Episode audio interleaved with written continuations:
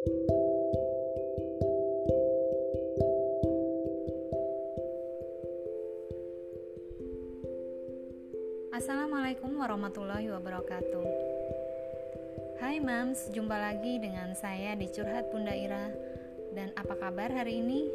Semoga selalu dalam kondisi sehat walafiat dan selalu dalam rahmat Allah Subhanahu wa taala. Salawat dan salam selalu tercurahkan untuk Rasulullah Muhammad Sallallahu Alaihi Wasallam. Bincang kita kali ini adalah tentang orang tua akhir pekan. Namun, sebelum saya bincang tentang orang tua akhir pekan, saya akan bercerita tentang sebuah bangsa nomad. Bangsa nomad adalah sebuah bangsa yang senang berpindah-pindah dari satu tempat ke tempat lain. Mereka berpindah-pindah untuk mempertahankan hidup, dan sifat berpindah inilah yang kemudian disebut dengan nomaden. Akan tetapi, tidak setiap orang mampu nomaden. Dibutuhkan fleksibilitas tinggi dan kemampuan besar untuk bisa beradaptasi pada setiap lingkungan dan situasi yang baru. Boleh jadi karena melelahkan, sehingga jauh lebih banyak orang yang suka menetap dan hanya berpindah satu atau dua kali dalam hidupnya, daripada harus berpindah-pindah setiap tahun, bulan, bahkan minggu. Kecuali anak kos mungkin ya, hal ini bisa terjadi. Nah, terkait dengan bangsa nomaden, yang perlu kita ketahui, Anak-anak itu berbeda dengan orang dewasa. Mereka berada dalam masa perkembangan yang cepat. Dibutuhkan situasi yang ajak, stabil, dan konsisten untuk bisa mengembangkan berbagai aspek perkembangannya. Akan tetapi, perkembangan dan dinamika sosial saat ini berpeluang membuat anak berpindah dari satu situasi ke situasi yang lain dari lingkungan yang satu ke lingkungan yang lain, bahkan dari pengasuh yang satu ke pengasuh yang lain, serta banyak lagi.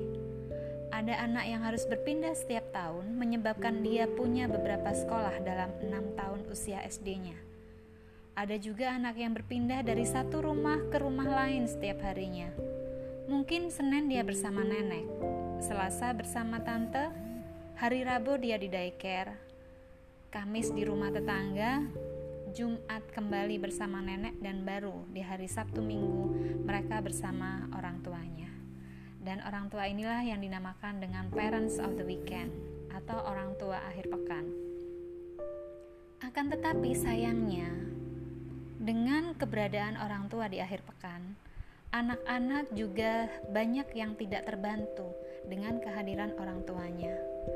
Tapi apa pun kondisi yang dipilih oleh orang tua, ini pasti akan menjadi atau membawa sebuah konsekuensi logis bagi perkembangan fisik dan mental anak pastinya.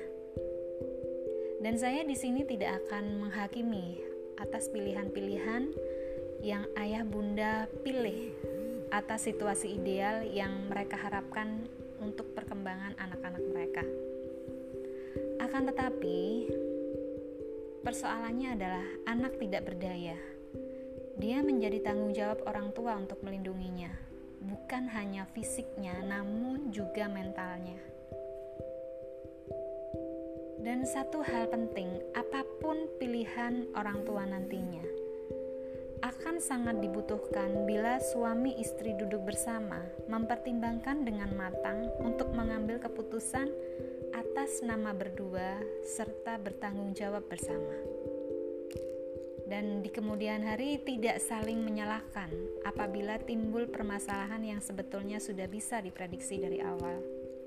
Karena bagaimanapun juga, anak-anak memiliki ketergantungan yang besar dan menjadi tanggung jawab orang tua, hingga akhirnya mereka bisa mandiri dan bisa melakukan pengambilan keputusan dengan cara yang benar sesuai dengan akal dan logika mereka.